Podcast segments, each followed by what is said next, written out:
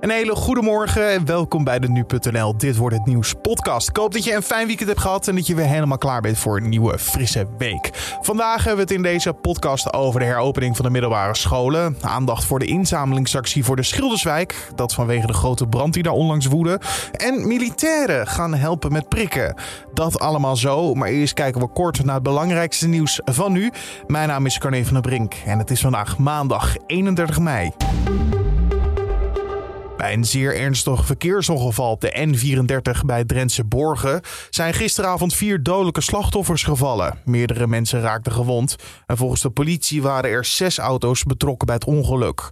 De oorzaak van het ongeluk is nog niet bekend. Volgens het Dagblad van het Noorden zou een auto van een taluut gereden zijn, maar dat kon een woordvoerder van de politie nog niet bevestigen. De verkeersongevallendienst die doet hier eh, onderzoek ter plaatse hoe de aanrijding heeft kunnen ontstaan.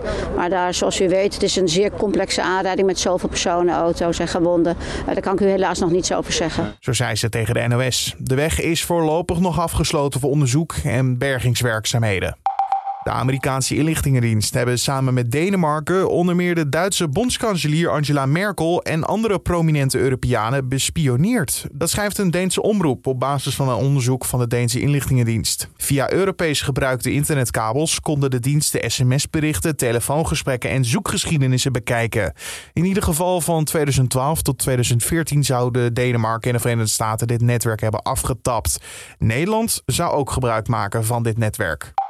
Fors meer jongeren kregen een uitkering. Het aantal bijstandontvangers groeide de afgelopen drie maanden al voor het vierde kwartaal op rij. Maar de groei bij jongeren onder de 27 was het sterkst. Er kwamen in die groep 3000 bijstandontvangers bij, zo meldt het CBS. Nederland telt nu ruim 430.000 eh, mensen onder de pensioensleeftijd die een bijstandsuitkering krijgen.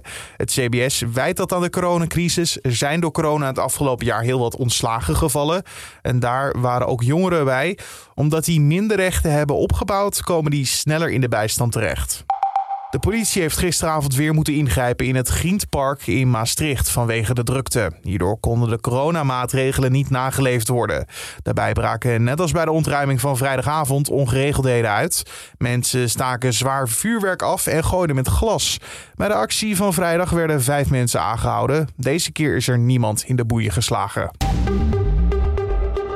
En dan vertel ik je wat voor dag het vandaag gaat worden. Oftewel, dit wordt het nieuws. De middelbare scholen mogen vanaf vandaag weer helemaal open. Toch wordt wel aangeraden dat leerlingen en leraren twee keer per week een zelftest thuis doen. Dat op basis van advies van het OMT. Andere regels blijven gewoon, zoals je handen wassen, afstand houden tot docenten en mondkapjes op in de gangen. Op de meeste middelbare scholen kregen leerlingen tot nu toe slechts een paar dagen per week les. Dat moet dus nu weer een volledige lesweek op school worden. Hoewel de middelbare scholen weer volledig open mogen, ja, komt dat toch voor veel scholen te vroeg. Uh, dat blijkt uit een rondgang van nu.nl langs scholengemeenschappen. Daardoor blijven vele scholen nog vandaag dicht. En sommige koepels twijfelen zelfs nog of ze voor 7 juni, de datum waarop ze verplicht volledig open moeten, wel klaar zijn. Zo weten directeuren niet hoe zij in een week tijd de zelftestcultuur moeten optuigen en roosters en klaslokalen moeten omgooien. En dan gaan we naar Den Haag. De bewonersorganisatie De Paraplu in de Haagse Schilderswijk is met succes een inzamelingsactie begonnen voor de slachtoffers van de brand in Den Haag. Door de brand die in de nacht van woensdag op donderdag uitbrak, zijn zo'n 40 woningen tijdelijk onwoonbaar. Sommige mensen zijn al hun bezittingen kwijtgeraakt, waaronder ook veel spullen die een emotionele waarde hebben. We hebben gebeld met de bewonersorganisatie over de inzamelingsactie. En is er al iets te zeggen over het gevoel bij de slachtoffers door deze actie? Je hoort voorzitter Alex Bergman. Ik, ik kan me slecht inleven in het gevoel van een ander. Maar uh, uh, wat ik wel kan zeggen, en dat, dat zie ik bij iedereen, dat ze wel een hartverwarmend gevoel hebben gehad. Uh, als ze zien wat er is ingezameld, dan, dan zie ik een schrikreactie van wow, zoveel. ik heb twee gezinnen gezien en um, het enige wat ik daarbij zie is uh, dat ze heel erg bedompt zijn. Ze zijn eigenlijk nog niet eens over de schrik heen. Dus uh, uh, strijdbaarheid is er niet. Of zie ik niet, laat ik het zo zeggen. Uh, die zal ongetwijfeld nog gaan komen. Dan de mensen die spullen hebben gebracht. Wat leeft er bij hen? Nou, dat ze eigenlijk heel blij zijn dat ze wat kunnen doen voor een ander. Uh, dat is ook wel gebleken. Ik bedoel, uh, gisteren is er nog een, een doos binnengekomen. Die hebben ze opgestuurd vanuit, vanuit Purmerend. Het komt vanuit het hele land. mails gekregen vanuit Friesland. Mogen we het opsturen het geeft aan dat iedereen toch wel een beetje zich min of meer betrokken voelt bij het leed van deze mensen. Ja, en wat is er dan allemaal gebracht? De actie is immers een succes. Nou, laat ik zeggen, eh, als ik het ga uitdrukken in de hoeveelheid, dan praten we eh, ongeveer over een 3 tot 400 kubieke meter. Dat is best wel veel. Uh, wat men bracht is voornamelijk kleding, schoeisel, toiletartikelen, speelgoed is er heel veel gebracht. En uh, er is ook het nodige aan huishoudelijke apparatuur meegebracht.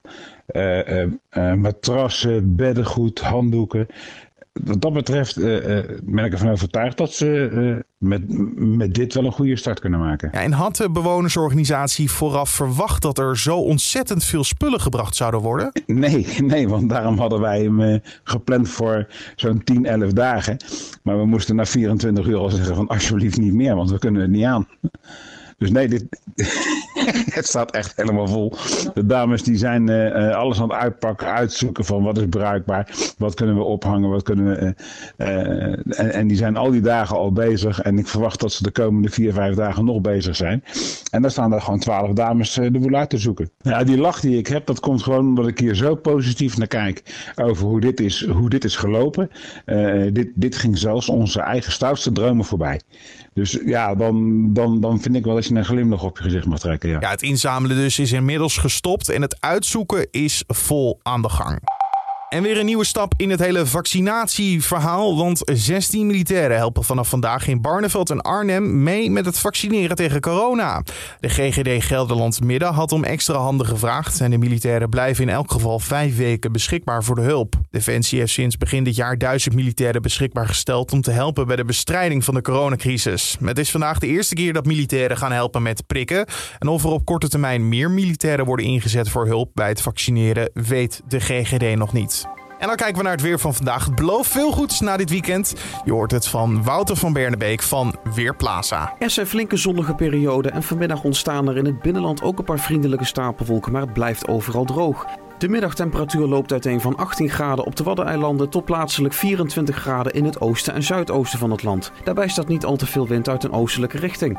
Ook de komende dagen blijft het mooi zomerweer met veel zon en nog wat hogere temperaturen. In het binnenland worden dinsdag en woensdag zomerse waarden verwacht van 25 of 26 graden. Vanaf donderdag lijkt de kans op een enkele regen- of onweersbui langzaam toe te nemen. Dankjewel Wouter van Bernebeek van Weerplaza.